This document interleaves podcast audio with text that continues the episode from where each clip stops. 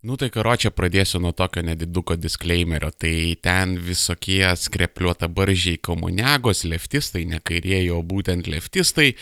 Ir ten visokiausiai tautinės juosteles apsivinioja smirdančios vyžos patriotai ir juozaitininkai, kurie tikitės, kad čia dabar vyks kažkokie kapitalizmo denonsavimai, agitavimai už komunizmus, socializmus ir panašius dalykus, tai atsistokit, atsisukit į artimiausią sieną, įsibėgėkit iš visos jėgos ir užsimuškit, na, hui, ją, nes nebus tokių dalykų. Ir apskritai nevarginkit savo jautrių veganiškų dušelių, išjungkit šitą epizodą kuo greičiau, nes armėnas tikrai jokiais būdais čia nevarys ant kapitalizmo. Ir aš kaip ir sugebu atskirti ten pelus nuo grūdų ir suprantu, kad visi dalykai, kuriuos ten veikia mūsų šudinių oligarchai, jie nelabai yra su kapitalizmu susiję ir viską suversti ant kapitalizmo, tai yra principė kaip po, nežinau, sodinti kalėjimą kirvi už padarytą nusikaltimą kažkas tokio, o tu drauguži, tu drauguži, kuris yra sveiko proto, kuris yra normalus, kuris jaučia niuansus, kuris yra apskritai ahujenas, bahūras ar bahūrė, tu tęsk toliau ir klausykis, ką armėnas papasakos. Tai karočią negaištam ir davai važiuojam.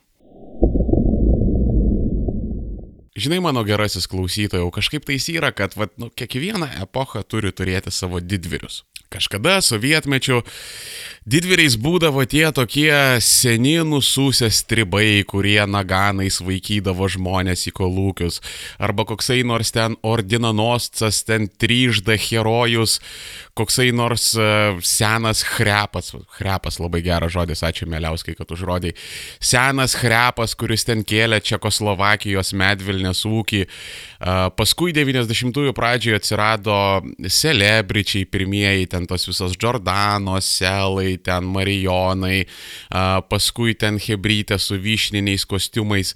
Ir dabar į mūsų epochos herojus ir didvyrius vat, ateina kaip čia dabar gudriau užsireiškus. Oligarchai galbūt ne tas žodis, bet, nu, sakysim, normaliai pinigų prilaikantis žmonės. Ir viskas yra dažniausiai pastatyta ant to, kad, va, tipo, čiuvakas užsidirbo taip normaliai šaibų, jisai jau ten yra kažkoks ten lemonas Ir vadinasi, jis ten yra gudras ir protingas ir vad vadinasi, jį galima kviestis pas save ten pasisakyti bet kokiais, na, hui gyvenime klausimais. Ir ten dažnai matai, ten karočią ir koks savulis, ir ten koksai dargis, ir ten koks rakauskas, ir ten kas nors iš maksimos dešimtuko periodiškai yra kviečiamas ten į kokią žiniasklaidą, į kokius žmonės. Ir ten klausinėja juos. Nu, be jokios abejonės ten apie verslą klausinėja, gerai pohoje apie verslą, ten galima paklausyti, ką jie šneka. Bet tada prasideda klausimai tenais apie mm, tarpusavio santykiai visokie, ten šeima, visuomenė, ten gerovė, filosofiniai klausimai. Ir čia, blėt, dažnai vat, susitinki su tuo, kad dažnas iš tų ten, net pinigų prilaikančių kentų, labai dažnas iš jų paprasčiausiai va tais klausimais pradeda žostkai nusišnekinėt. Ir e, be jokios abejonės jie, blėt, visada turi būti knygą parašę, nes šiais laikais suka visi knygas rašo, va tai jau mano šuva trečią bestsellerį išleido. Ir e, šiaip, va, pavyzdžiui, toks biški off topikas, aš irgi ten turiu vieną kitą idėją, galbūt net ir kelioms knygoms. Ir kažką esu ten net pas, pasirašęs paskrebenės, bet to nedavedu iki galo, nes visų pirma, elementoriška tinginystė, pizdabolas esu. Antras dalykas yra, nu, man tiesiog yra gėda, nes suka, nu, blėt, nu, kiekvienas debilas dabar knygą leidžia, kiekvienas suka žartvą ten su 19 tūkstančių followerių ten Instagram'e, jaučia, žinai, didžiulę pareigą, kad dabar jam reikia išleisti knygą ir papasakot pasauliui ten kažkokią tais huinę ten apie savo gyvenimą ir panašiai. Tai, karočią, šitoj vietoje aš taip ir susistabdau save, bet daugiausiai tinginystė, daugiausiai tinginystė mane stabdo. Bet anyway, a, tiesa, kalbant apie knygos bičiulį, ar mergaitę, bi bičiulę, draugę, nežinau. Karočią, Vat yra toks, žinai, perliukas, vat tarptų, žinai, oligarchų, ten tų grafomanijų rašlevėlių, vat, blėt, perliukas yra suka. Rakauskas yra parašęs knygutę. Vadinasi, taip kukliai, nedramatiškai, nepompastiškai, globali jausmo proto dvasia aš esu ją pavartęs ir, nu, mano nuomonė, mano grinai asmeninė ir turbūt papirkta ir pramokėta nuomonė, kad šita senukų tėvo Augustino Rakausko knyga tai yra, ble, tai yra tai yra kažkas tokio. Ta prasme, ten yra sudėtas ir kažkoks self-helpas, ir kažkokie pseudo verslo ten gūrų bairiai, ir ten sumestas dvasingumas, ten, vat, jeigu tu atsimeni, ten 90-ųjų gale ten eidavo kažkada tokie parapsichologiniai žurnalai, ten, blėt, viltis, ten siela, kažkaip jie ten taip vadindavosi, tokie plonyčiai būdavo, ten su kažkokiais ezoteriniais paveiksliukais. Tai vad, nu, blėt, iš tos serijos kažkokie, blėt, Jėzaus kodai, ten kažkokia tokia pseudo religinė, pseudo sektantiška literatūrą, mano kuklė nuomonė. Ir vat, jeigu manim netiki, tai gali nueiti į savo artimiausią biblioteką. Aš nenorėčiau, kad tu mokėtum pinigus už tą dalyką. Gali nueiti į savo artimiausią biblioteką arba ten internete PDF-ą nusipirkti. Ir karočią, vat paskaityk paskaityk tą prasme ir tu ten pamatysi, kad jabat kalatyt, kas dogeris ten yra surašytas. Oik tu nahui.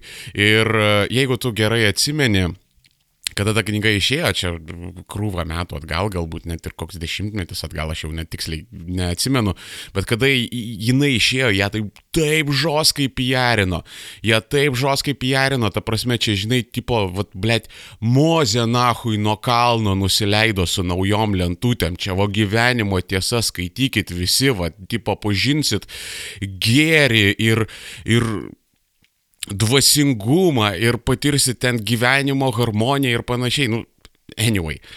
Dėl bendro išprusimo paimkite ir pasivartykite ir pamatysit, kas tenais do. Ir susidarykit savo nuomonę. Bet, nu, karočią. Tai vad, yra tie čiuvakai, jie ten babkių prilaiko, ten visoks Ilija Laurusas ir ten panašiai, ir juos pastoviai kviečia, ir jie tenais šneka, ir ten pasakoja, dažniausiai nusišneka viskas, kas nėra jų temoje. Ir aš kažkaip nejučiam šitai vietai dažnai prisimenu mirusias sielas. Aš kaip tik vat, praeitą vasarą, man atrodo, pradėjau iš naujo vartyti tą knygutę. Jis man žiauriai patiko ir šiaip jeigu tu netingi ir tau visai sueina grožinė literatūra, tai tikrai gali pasiimti e, šitą dalykėlį, pasiskaityti. Sueis, manau, labai greitai, porą vakarų, e, labai lengvai, labai smagiai, labai šauniai skaitosi. Ta prasme, Gogolis tikrai labai puikiai surašė. Ir e, aš, va ten mirusiose sielose yra tenais įvairūs personažai, ten įvairūs tokie dvarininkai, kurie ten žiauriai vienas nuo kito skiriasi. E, aš jau net ir pavardžių neprisimenu, ten lygtais buvo vienas Sobakievičius, kitas Koškinas, bet, nu, nesmė, tu prasme, aš dažnai, kai matau va tuos va, visus performansus, kai ten per valandą surūta pakviečia tą, žinai, tipo bizinio kentą, tai va aš labai dažnai tas mirusias sielas prisimenu, nes aš va ten dažniausiai atpažįstu tuos dvarininkus. Nes iš vienos pusės tie, žinai, visi dvarininkai tokie yra, tipo, oficialiai e, knygoje deklaruodavo, vat, kaip jie ten myli tos savo būrus, kaip vat, jie rūpinasi tai savo baudžiauninkais, kaip jie nori vat, iš jų padaryti žmonės, vat, kad jie ten arklą iškeistų ten į knygą ir lyrą, ten sukurti ten kažkokią naująją Rusiją, vat, mes padarysim, mes jais rūpinamės ten visą kitą, bet, nu, istoriškai pagal faktą mes žinom, kad tie dvarininkai juos laikė, nu, visiškai vergiškomis sąlygomis, ten pastoviai daužydavo bizūnus bizūnais, pastoviai ten arba prievartaudavo, arba turėdavo ten romanus ten su jaunom būrėm ir kartais ir būrais būdavo ir tokių dalykų. Nu, čia žinoma, šitoje vietoje aš truputėlį hiperbolizuoju, nes uh, tipiškai kas įvykdavo, jeigu būdavo labai labai labai žiaurus dvarininkas, tai, nu, nepamirštam, kad baudžiauninkų yra daugiau, visi turi prieimą prie tokių aštrių daiktų ir ten kartais baigdavosi šitos istorijos nemaloniai, nu, bet, bet kuriuo atveju, tu prasme, baudžiauninkai gyvendavo šudinai, jie būdavo visiškai praktiškai kaip toks kilnojamas dvarininko turtas ir daugiau mažiau jie galėdavo su jais elgtis kaip nori. Bet oficialiai jie ten deklaruodavo, tipo, va, mes čia pradvinuti, mes čia, va, už humanizmą, ten, huinė, muinė. Nu ir vad karočią, kai tie lietuviški oligarchai pradeda vaikščioti į eterį, vat, šitas dalykas vat, man dažniausiai ir atsiduoda vat, šitais prikolais, vat, šitais vat, mirusių sielų, vat, kažkokiais tokiais neiškiom haltūrom, neiškiom tokiom netikrom deklaracijom. Ir va šitoj vietoj, kad, nu, čiuvakas užsidirbo daug šaibų, tai vadinasi jisai viską šitam gyvenime išmano, va šitoj vietoj yra daroma tokia labai rimta kvintesencinė klaida. Čia kaip tipo Šarūnas Marčiulionius gerai žaidžia kažę, tai todėl iš jo geras europarlamentaras išeis. Nes fundamentaliai žiūrėk, fundamentaliai yra taip, kad jeigu tu užsidirbai daug šaibų, tai principaliai tai yra skaičius Excelio lentutėje. Vat pas tave yra skilsas tą skaičių didinti arba, nu bent jau padaryti taip, kad jis nesumažėtų ir daugiau mažiau viskas. Ir toliau ten tarpuose yra visokiausių keisų. Yra žmonės taip, kurie yra universalūs, renesanso žmonės, kur ir verslus daro, ir kultūringi, ir ten į filosofiją įjungia, ir ten gerai mąsto ir taip toliau. Ir atitinkamai yra hebrantų, kurie, nu, pavyzdžiui, kaip Rakauskas, kur jie ahujenai pardavinėja gerai kinietiškas atvertkės ir ten kokį nors slovakišką laminatą, bet vad kada jau pasisuka reikalai ten apie dvasingumą, apie protą, apie filosofiją, tai yra kažkokie, nu, tipo gabaus septintoko veblenimai. Ir šitas dabartinis epizodas, draugužė ar draugužė, e, šitas dabartinis epizodas jisai remiasi į du skirtingus Armėno radio epizodus. Tai yra pirmasis epizodas apie MG Baltiko skandalą ir toliau yra prieš tai buvęs epizodas, atleisk neatsimenu numerio, e, prieš tai buvęs epizodas e, būtent apie korporatyvus ir ten visokius korporatyvinius bajeriukus. Jeigu tu gerai atsimeni, paskutintame epizode mes šnekėjome apie vat, būtent tą vat, dvarininkystę, apie tą vat, puritonizmą, kad va, aš čia, žinai, esu direktorius ir aš čia, žinai, galiu ten, tipo, sukurti naują, žinai, korporatyvinį žmogų ir panašiai. Ir kada tas buvo epizodas apie MG Baltiko skandalą, pagrindinis leitmotyvas buvo tas, kad, nu, tipo, mes dažnai įsivaizduojam, kad tie vat visi mūsų oligarchai, tie, sakysim, tie tokie nebožyteliai, ten tie visi vierchai, kad jie yra tokie, žinai, sofistikuoti, jie ten uh, sėdi prirūkytam bunkeryje, jie ten šniaukščia patį griniausią ten koksą nuo nuogų eunuchų ir ten skaitydami sartrą ten tuo pat metu kažką kontempliuoja ir ten sukdami savo piktą ūsą ir trindami rankas ir piktai kikendami ten šneka apie ten Lietuvos užvaldymo planus, bet nu, kai išlindo tos visos pokalbių išklotinės tarp Masiulio ir Kurlenskio ir ten kitų, nu, mes pamatėm, kad ta prasme tai yra, nu, blėt, kaip iš Zero filmo, ta prasme, ten dialogai buvo. Ir va šitoj vietoj pagrindinis cimusas yra tas, kad Lietuvos ūkis, jisai yra taip sutvarkytas, kad dauguma ten didžiųjų sektorių, ten tipo priekyba, ten transportas, ten energetika, ten infrastruktūra, statybos, ten IT, taip toliau ir panašiai, jie yra užimti tokių oligopolijų.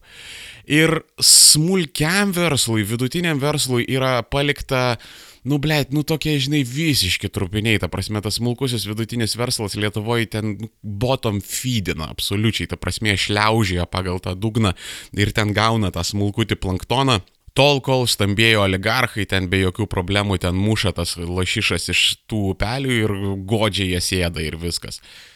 Ir žiūrėk, suprask mane teisingai pati oligarchija ir pačios oligopolijos tai nėra kažkas tokio ypatingai keisto. Mes labai dažnai ten apie vakarus šnekam, kad, vat, matai, čia vakaruose, ten, t, t, t, ten taip nėra, ten tipo viskas yra zaibys, ten viskas švaru, tyra, grina. Ir ne, stop, žiūrėk, ta prasme, kaip dangui, taip ir ant žemės.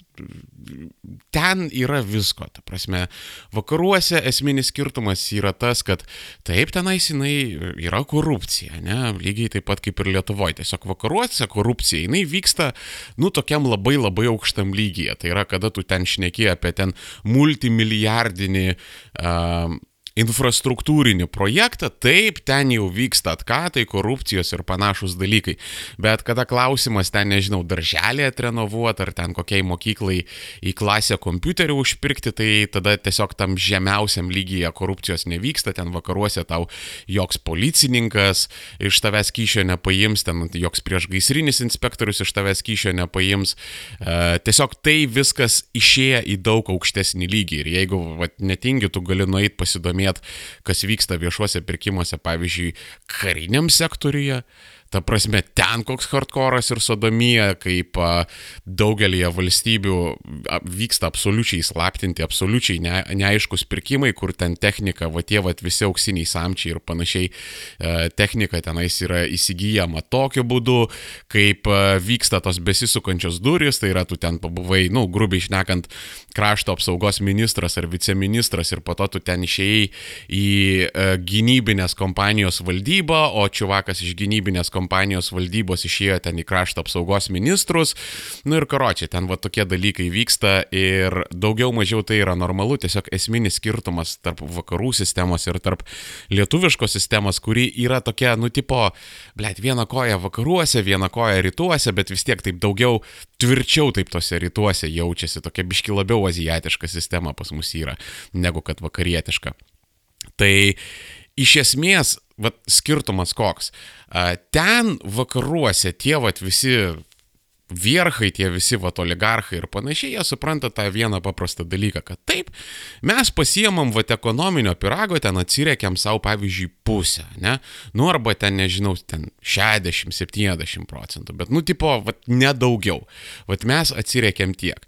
Ir tada tiems smulkiems ir vidutiniams, tiems paprastiems žmogeliukams, vat mes paliekam, vat ten nuo 30 iki 50 procentų to ekonomikos pirago ir viso, jūs turėkit ir jūs tūsinkitės.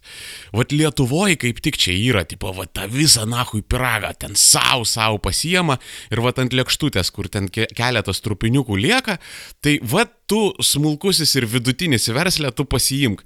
Bet jeigu realiai, jeigu e, juos tas kanalintų ir jie žinotų kaip, tai ta prasme jie ir tos trupinius nahui visus susirptų ir jie nieko nepaliktų. Ir e, čia dar prisimenu Stepaną Demūrą, jeigu tu valdai rusų kalbą, aš taip siūlyčiau pasidomėti, kas tai yra čiuvakas ir apie ką jis išneka. Um, vietomis jisai labai įdomių dalykų pripasakoja apie istoriją, aš ten siūlau per daug nesivelti. Bet šiaip ekonominiais klausimais jis yra pakankamai įdomus. Bet anyway, Stepanas Demūra yra sykis sakęs vienam iš savo seminaro, gal daugiau kartų jisai minėjęs, kad sako, va, žinot, kuom skiriasi morozai ar ten gopnikai nuo oligarchų. Ir va, tikras oligarchas, vad skirtumas esminis koks, vad tikras oligarchas, jisai žino, kad, vad, okei, okay, aš pasiemu savo daug, bet aš nemažai ir palieku visuomeniai. Nes jisai žiūri dešimtmečiais į priekį, ta prasme jisai nežiūri ten penkias minutės, dešimt minučių į priekį, kaip dažnai daro mūsų vietiniai oligarchai. Jisai žiūri dešimtmečiais į priekį. Jisai galvoja, gerai, ką darys mano anūkai, kaip mano anūkų anūkai gyvens ir ta prasme ten yra toks, nu, dinastinis mąstymas, toks, nu, labai tolimas, labai gilus ir jie labai aiškiai supranta, kad jeigu aš dabar susirinksiu savo visą piragą, taip dabar man bus zaibys, taip aš būsiu turtingas, bet, bet vieną gražią dieną mano vaikus išneš ant šakių. Labai paprastai ir elementoriškai. Arba tiesiog um, Neapsikentusi liaudis išrinks ten grubiai išnekant kokį nors metaforinį ten Ugo Čiavesą, kuris, nahui, viską, karočią, eksproprijuos, viską nacionalizuos ir, karočią, aš blėt liksiu su baronko skylė. Tai vakaruose oligarchai šitą dalyką supranta labai gerai. E, rytuose sakysim, į rytus nuo Berlyno, į rytus nuo Varšuvos, tai va šitie oligarchai ne, jie yra kaip morozai. Morozui yra pohui, va jisai gali sėdėti toj pačioj tarpuvartėj ir karosim žmonės. Ir jam va yra zaibysis, va karosina, karosina, jisai ten užsidirba savo ten ant alučio ar ten ant kokios amfės, kad ten diskotekui rankytėm pasukt. Ir jisai taip nemasto, kad jeigu tu kiekvieną dieną, dieną iš dienos sėdėsi ir toj tarpuvartėj karosinsi, nu tai vieną dieną pas tave ateis mentai tave supakuos ir išsiveš nuveš tave į kalėjimą. Nu, tiesiog labai paprastai. Ir tas labai aiškiai pasirodė vėlgi pa, per tą patį MG Baltiko skandalą. Aš dar kartą pasikartosiu. Masiulį pagavo su kešu. Su kešu namuose, ten kažkur po matrasu jisai ten laikė kešą Ta prasme, ne, ne ten kažkaip sofistikuotai, žinai, ten per labdaros fondą kokį nors, ten per kriptovaliutą, per trečius, ketvirtus asmenys. Ne, nahui, į rankas tiesiog ima kešą. Ir tai yra iš karto, vad, blėt, signalas. Iš karto signalas yra apie tai, kad Vadinasi, jie nemasto, vadinasi, jie negalvoja ir vadinasi, jie baimę pametę. Nes net pagal išklotinės matėsi, kad jie nenaudoja jokių kodinių frazių ir ten tiesiog atvirai, žinai, pila, tipo, man reikia tokio įstatymo, man reikia, kad tu pašnekėtum su tokiu politiku, man reikia tiek pinigų, ten taip toliau ir panašiai. Tai prasme, viso, iš karto visi indikatoriai yra apie tai, kad tas valdantysis elitas yra jobandi urlaganai, kurie, nu, ties, net nepasirūpina pagalvoti kažkokią sistemą, kaip ten, kaip įmanoma privačiau ir slapčiau informaciją perduot, apie kažkokius kodinius žodžius, apie ten kažkokias sofistikuotas schemas, kaip ten, ne, blėt, kešų ir atvirai tiesiog, blėt, susitinka steighausai ir sako, suka, vat, man reikia tokio įstatymo, aš tau moku tiek, viso, viskas. Jo, gerai, davai padarysiu, viso, iki kito valdžioj pasirodo tokie faini dalykėliai, kad uh, aš, blėt, labai gerai atsimenu, nes su kavo su mašina neužsimušiau, kai išgirdau tą dalyką, aš ten per žinių radiją klausiau. Tipo išeina, žinai, Elgirdas Butkevičius, bless his heart. Dabar išeina Elgirdas Butkevičius, tai man atrodo, iš žinių e, radio eterį ir jo vad klausinėje, ten vad buvo e, vyriausybė paskaičiavusi nacionalinį stadioną ir analitikai pasižiūrėjo, kad, nu, blėt, nu, net Abu Dabyje nėra tokių kainų, kokias suskaičiavo vyriausybė, kad aš, aš ten gerai neatsimenu, bet ten kažkas buvo tipo, kad vidutiniškai Europoje stadioną pastato ten maždaug viena vieta kainuoja ten 4000 eurų, nu lygtais tokia suma, o ten vyriausybė paskaičiavo ar 20 ar 25 tūkstančius eurų. Ir Algirdas Butkevičius, blėt, dar kartą sakau, bless his heart taip, žinai, be jokių karočių užsikirtimų, be nieko tiesiai į mikrofoną išhujarina, blėt. Ne, bet tu nesupranti, tai 90 procentų dengia Europos Sąjunga, karočią.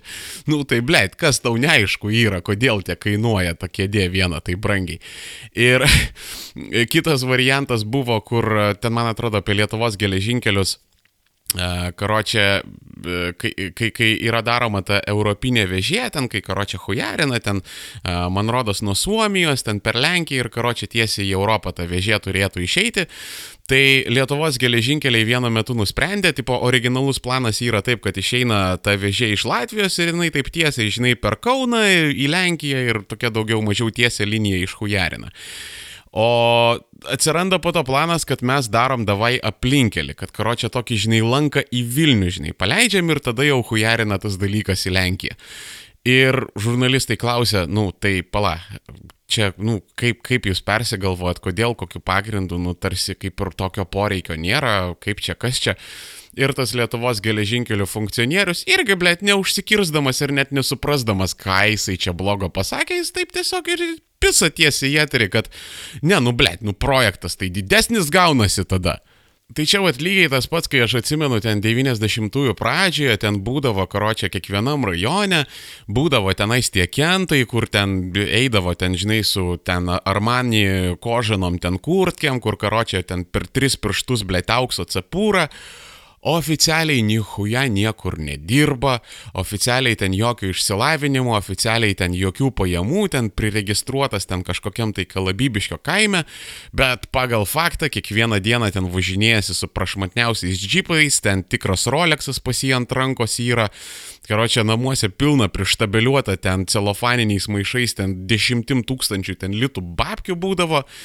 Ir jam net neįga, neteidavo į galvą ten, nežinau, kažkaip legalizuotis, pėdas užmėtyti ir tada vieną gražią dieną arba pas jį pasibelsdavo į duris tenais iš kokios kitos grupuotės berniukai ir ten, žinai, su lituokliu su juo pasišnekėdavo, arba ateidavo teisės saugininkai irgi pasibaladodavo ir išsivesdavo į lūkeškės. Ir vat, būtent dėl to, kad, nu, vat, jam paprasčiausiai neteidavo į galvą, kad vat, vieną dieną iš jo kažkas kažko gali pareikalauti. Ir čia, nu, irgi yra visiškai ta pati sistema. Tiesiog viens prie vieno, va aš užsijėmiau kažkokį rinkos sektorių ir blėt aš jo laikausi įsikabinės ir viskas, ir aš nieko nekeičiu, aš tik tai ten tos smulkiuosius konkurentus duhinu, ten spardau į šalis ir viskas, ir viso, man yra pohui, va aš turiu savo kertelę. Ir, nu, čia iš vienos pusės kaip ir yra normalu, nes, nu, verslas turi rūpinti savo pelnu ir kuo didesnis pelnas to verslui yra geriau, tai kaip ir, nu, jo, normalu yra šitas dalykas, bet iš kitos pusės verslas taip pat jisai turi pasirūpinti ilgalaikiu pelnu. Ir taip šiandien tu esi ten kentas ir bahūras, bet sakau, ryt po rytų nežinai, ten ateis kokie jo zaitininkai į valdžią ir ten kaip Ugo Čiavesas, blėt, tave karočią nahui su naručnikais ten nukiš į areštinę ir visą tavo turtą išeksproprijuos ir viso. Jau beje panašių dalykų yra įvykę, pavyzdžiui, Achema, ne, ten Bronislavas Lubys kažkada, vat, nu, jis realiai vat, buvo vienas iš tų pirmųjų, ten tų neodvarininkų, neofeodalų Lietuvoje, kur pabuvo ministeriu ir blėt išėjo su Achema kišeniai karočią, ten, nu, tiesiog, ta, vat, lygioj vietoj praktiškai uždyka, ten be jokių ten rimtesnių investicijų, jisai pasijėmė, vat, tokią didžiulę verslo imperiją, iš kurios tenais jisai išvystė kažką. Ir dabar Lietuva pastatė suskystintų naftos dujų terminalą ir Achemai karočiai išstatė sąskaitėlę, kad karočiai tu suka dabar ir išlaikysi. Ir tu va trūpinsies Lietuvos energetinė nepriklausomybė ir karočiai mes tavęs girdėti nenorim. Tu tik tai sėdėk tyliai ir per daug neišsipisinėk, nes tu nepamiršk, kieno pusėje yra visi mentai ir kieno pusėje yra visa kariuomenė. Ir žinai, čia galima labai labai daug pasakot, labai ten daug visokių nemalonių pavyzdžių pateikinėti apie ten visokias aferas ir panašius šūdus. Ir čia galima pasakot apie tai, kad e, tuoj palauk ir čia bus buldozerių prastumti įstatymai, kurie atidarys duris migrantams iš Baltarusijos, iš Ukrainos, nes, vat, nu, trūksta pigios darbo jėgos ir visa tai bus prastumta ten po tokių e, gražių padažiukų, kad e, maždaug mes čia ruošiamės atvežti aukštos kvalifikacijos specialistus ir bet kas, kas prieštaraus, tai vat, prieš juos bus panaudotas sofismas, kad pala, blėt, o ką tu turi prieš aukštos kvalifikacijos specialistus, tu kur va, tu, tu gal luditas klausyk kažkoks esi, tu nenori, kad į Lietuvą važiuotų ten chemikai, biochemikai, biotehnologai ir panašiai. O pagal faktą tai tiesiog ten bus privežta visokių ten furistų, statybininkų, ten šaltkalvių, ten mechanikų, taip toliau ir panašiai. Čia pamatysi, čia šitas dalykas tikrai įvyks. Tai anyway, galima apie tai ten daug bazarint, daug šnekėti, daug pavyzdžių pateikinėti, bet turbūt natūraliai tau kyla klausimas toksai, tai suka, kas čia kaltas yra. Vat, nu, blėt, kaip, kaip, kaip, kas čia kaltas, kaip tas problemas spręsti ir panašiai. Tai aš tau pasakysiu, kad, žinai, dažnai kaltininkas, bet žiūri į tave iš veidrodžio. Labai dažnai. Nes matai, tas taip, elitas jisai yra labai galingas, jisai turi ten labai daug šaibų, jisai ten prilaiko labai daug įtakos, jisai ten su politikai susitūsi, nes jisai gali savo išrūpinti preferencinius įstatymus, ten taip toliau ir panašiai. Taip visi šitie dalykai vyksta, okei. Okay. Bet Tuo pat metu tas elitas yra bezbožnai silpnas ir bezbožnai pažeidžiamas. Čia vad dažnai tu, dažnai tu ar tavo pažįstami ar draugai, vad dažnai mes inkorporė, mes susikūrėm tą aureolę, kad vad yra jie. Yeah Vat yra jie, jie čia tokie, žinai, galingi, jie čia tokie yra stiprus. Bet sakau, pagal faktą tai yra nesienos. Ta prasme, juos galima labai lengvai pastumti ir yra labai daug pavyzdžių, netgi nereikia ten per daug toli žiūrėti, ten orientuotis ten į kokius nors, nežinau, Singapūrus, Taivanius, ten Skandinavijas, ten Amerikas. Ne, to nereikia. Ta prasme, vat, tiesiog čiučiut į vakarus. Čiučiut į vakarus, Lenkijos labai puikus pavyzdys, pavyzdžiui, Lenkai yra nu, ahujieni kooperacijos meistrai ir ta prasme jie per tą savo kooperacijas jie sugeba spardyti šiknas stambiesiems verslininkams. Tarkim, nu, vad Lietuvoje yra kažkokia maža parduotuvėlė, ne? Ir dažnai tos mažos parduotuvėlės šeimininkas skundžiasi, kad sako, nu, vad, didmenininkas man, žinai, brangiai prekes parduoda, ne? Ir čia nėra jokio stebuklo, kad, okei, okay, nu, tas didmenininkas, nu, ble, tau iš jo reikia ten, nežinau, paletės pieno per mėnesį, ne? o ten kokiai nors maksimai vien vienai parduotuvė, jie ten paima, nežinau, fūrą pieno į savaitę. PVZ, ne? Tai aišku, kad jam yra daug paprasčiau, daug lengviau parduoti tą fūrą ir todėl jisai gali parduoti pigiau ten su didesniais atidėjimais ir panašiai. O tu, kai čia esi, žinai, su ta viena paletė, čia, blėt, problemos, kaip jie ten nuvežt, kur pristrojinta visą krovinį, ten, kro, čia vienas hemorojus, ne? Jam, jam yra smagiau su Maksima dirbti. Lenkai, pavyzdžiui, ką jie daro, jie dažnai susibėga į užpirkimo sąjungas. Ir tada per tą užpirkimo sąjungą jie pradeda drošti didmenininkus. Ir tas veikia. Ir tas veikia ir veikia pakankamai gerai. Tarkim, mm, situacija, mm, gerai, čia gal labai vakarietiškas pavyzdys, gal nelabai aktuolus, bet, nu, šiaip tam, kad tu suprastum tokią iliustraciją, ne? Amerikoje, pavyzdžiui, kažkas apie 40-50 procentų vat, pervežimai su fūromis, jie vyksta per patentininkus. Tai yra čiuvakas, išsijama patentą, jisai išsilizinguoja ten sunkvežimį arba jisai ten tą sunkvežimį nusiperka už kešą. Nu ir tada jis išaudo tos krovinius ir ta prasme su ta fūra važinėja per visą Ameriką ir vat užsidirba tai pinigus. Yra 40-50 procentų. Kiek bandė tos didžiosios korporacijos daryti, nieko nesugebėjo. Absoliučiai, Anė Barkš nepajudino. A, ta pati situacija daugelį Europos valstybių yra. Irgi, vat, furistai, patentininkai, ta prasme, su dažnai tu pamatysi, kad, plėt, su, žinai, nuliovas skanija važinėja, ten afigienos komplektacijos, UK tai yra labai dažnas dalykas, Vokietijoje pasitaiko, Skandinavijoje pasitaiko, bet UK yra labai daug tokių. Aš kažkada dirbau call centre, ten dariau apklausas Junktinėje karalystėje, tai uh, viena sunkvežimių kompanija buvo užsakiusi, tai aš tiesiog buvau apšalęs ant kiek ten yra tų tokių, žinai, va, nu, vienas vairuotojas su viena fūra ir va, jis nusipirkęs ten tą nuliovą fūrą ir važinėja ir vargo nemato. Kai tuo tarpu Lietuvoje tų patentininkų fūristų, nu, tiesiog vienetai yra ir jeigu jisai yra, tai jis ten, nežinau, važinėja ten su kokiu nors 90-ųjų galo, ten 2000-ųjų pradžios, ten nudročintų, nudroštų, ten dievo pamirštų sunkvežimių.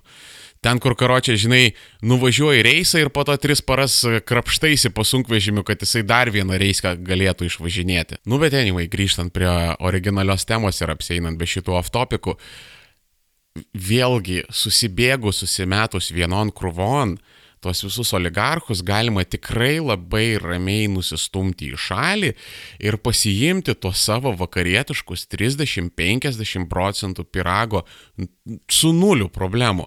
Nes, na, nu, žiūrėk, vat, pavyzdžiui, kai būna, ne, ten uh, valstybė skelbia ten pirkimą, ne, ten statosi kokį nors pastatą, ne, ten kokia, nežinau, sodra, ten VMI, ten kokia savivaldybė, vat, stato pastatą, vat, jie, uh, čia man atrodo, aš net šitą pavyzdį pateikinėjau intervę su Kuodžiu, tai yra e, paskelbė ten pirkimą, vad sako, karočią penki lemai, mums reikia ten pastatyti tokį daiktą. Nu, ten didžiosios statybų kompanijos ateina su savo ten pasiūlymais, a, kažkas tai pirkimą laimi ir tada ta didžioji statybų kompanija, jinai pasijama mažesnį į subrangą ir sako, karočią, aš tau duodu 4 milijonus, tu Vat pastatyk man tokį pastatą, vat kaip čia brėžiniuose yra nubaišyta. Ok, javol, jokių problemų nėra, ta kompanija apsijama to projekto, priminsiu, originaliai tai yra 5 milijonai. Tada ta vidutiniško stambumo kompanija, jinai pradeda prisitraukinėti smulkesnės kompanijas, ne, ten vienai paveda, nu, ventiliaciją, kitai paveda ten elektrą išvedžioti, ten trečiai paveda ten santechniką padaryti, ketvirtai fasadas, nu, taip toliau ir panašiai, ne.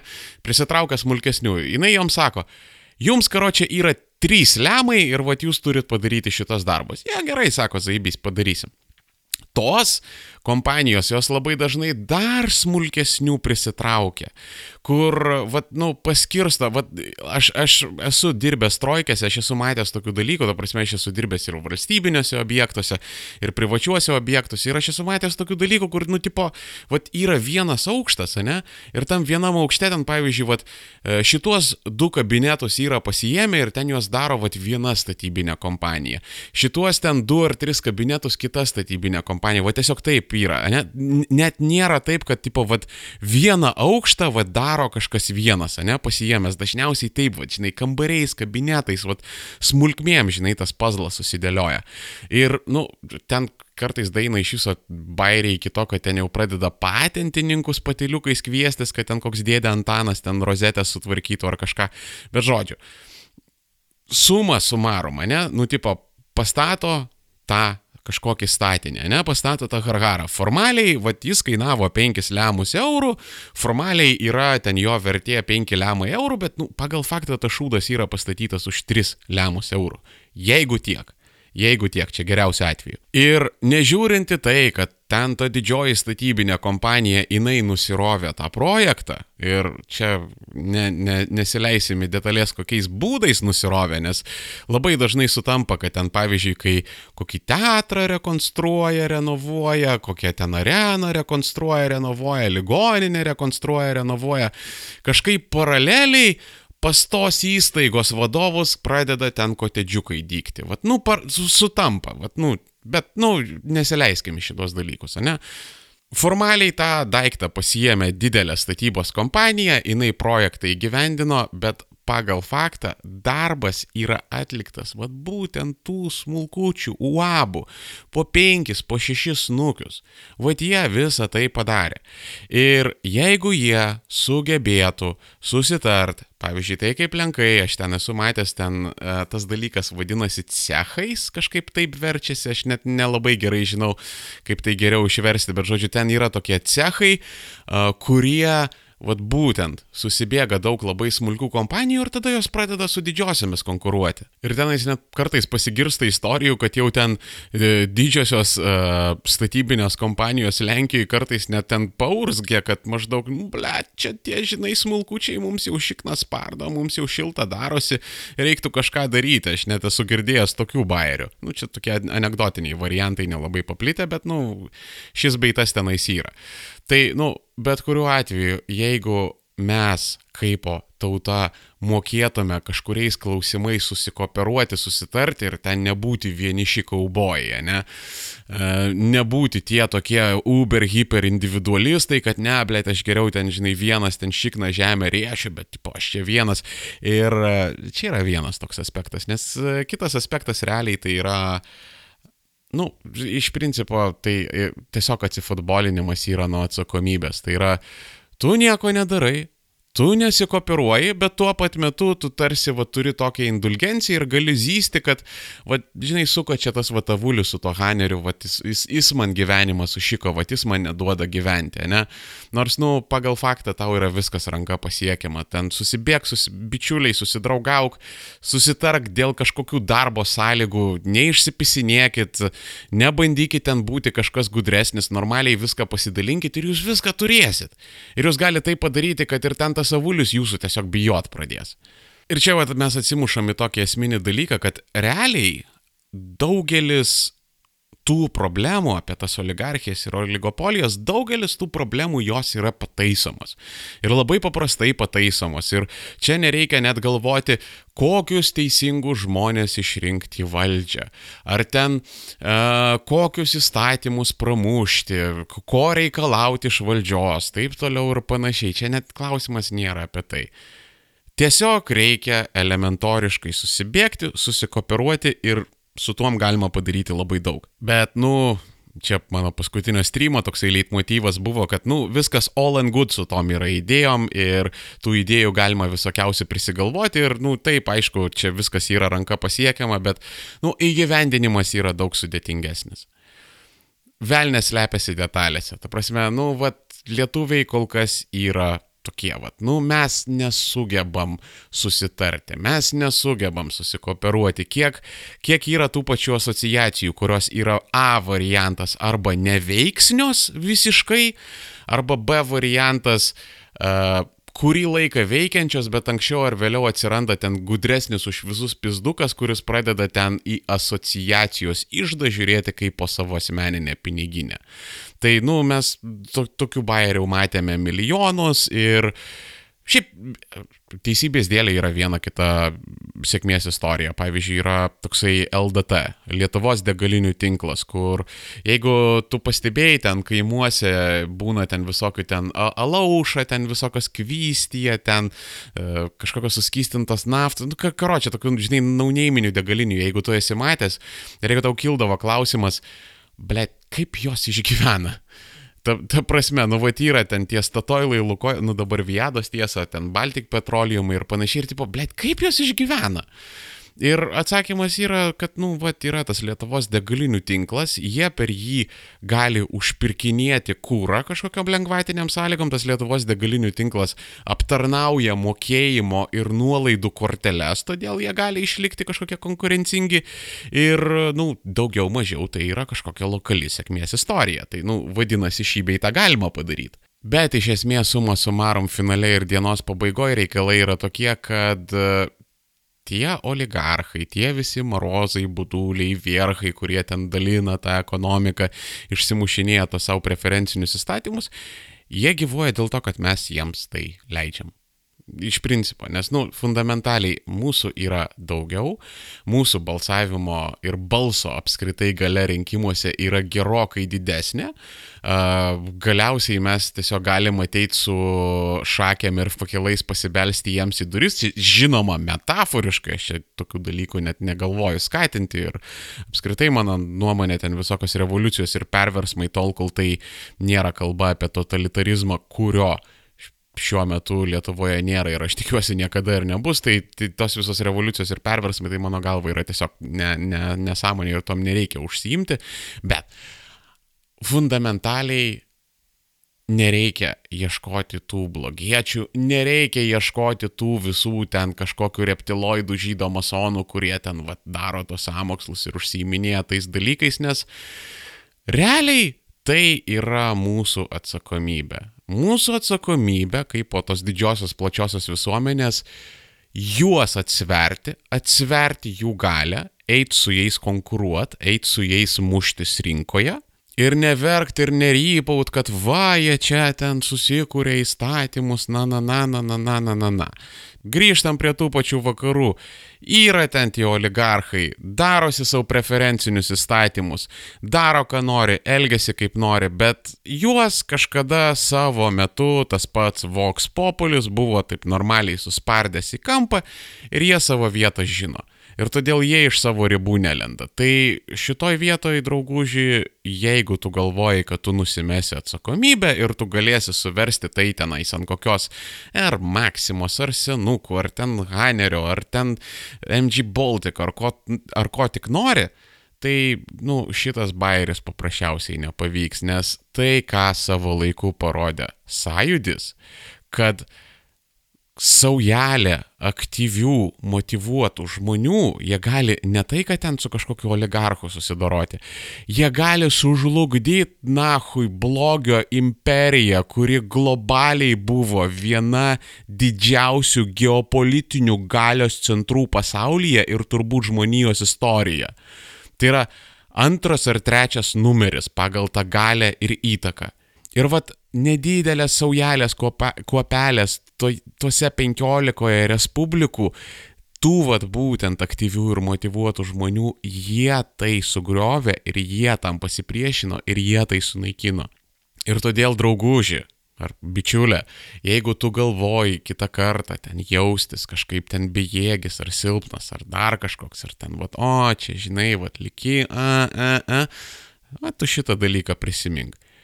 Prisimink, ką gali padaryti nereikšmingi ir užribiuose esantys žmonės visiškai be galios, be pinigų ir be įtakos. Nes jeigu sugebėjom pasipriešinti hegemonui su brandoliniu, cheminiu, biologiniu ginklu, belenkiek tankų, lėktuvnešių, naikintuvų, kareivių, raudonarmiečių, desantininkų, omonininkų ir taip toliau, jeigu mes sugebėjome pasipriešinti tam, tai kokia nors ten, nežinau, MG Baltikas ar koksai nors kitas oligarchas, tai yra tfu. Ir karo čia šiandien davai sakom stop. Tai tradiciškai, kai visada. Jeigu ne vpadlu, ten galit pasubscribint, palaikint, pakomentuot, nepatiko, galit padislaikint, ar ten komentaruose parašyti, koks armėnas yra debilas. E, jeigu norit ir galit pa, parafinansuoti Armėno radiją Patreonę arba ten kokį Brave browserį panaudoti. Aš pakankamai normaliai šitą dalyką lygtais jau esu įvaldęs ir jau ten galima BAT tokenų man primesti. Apačioje yra linkai į visokias kriptovaliutėlės.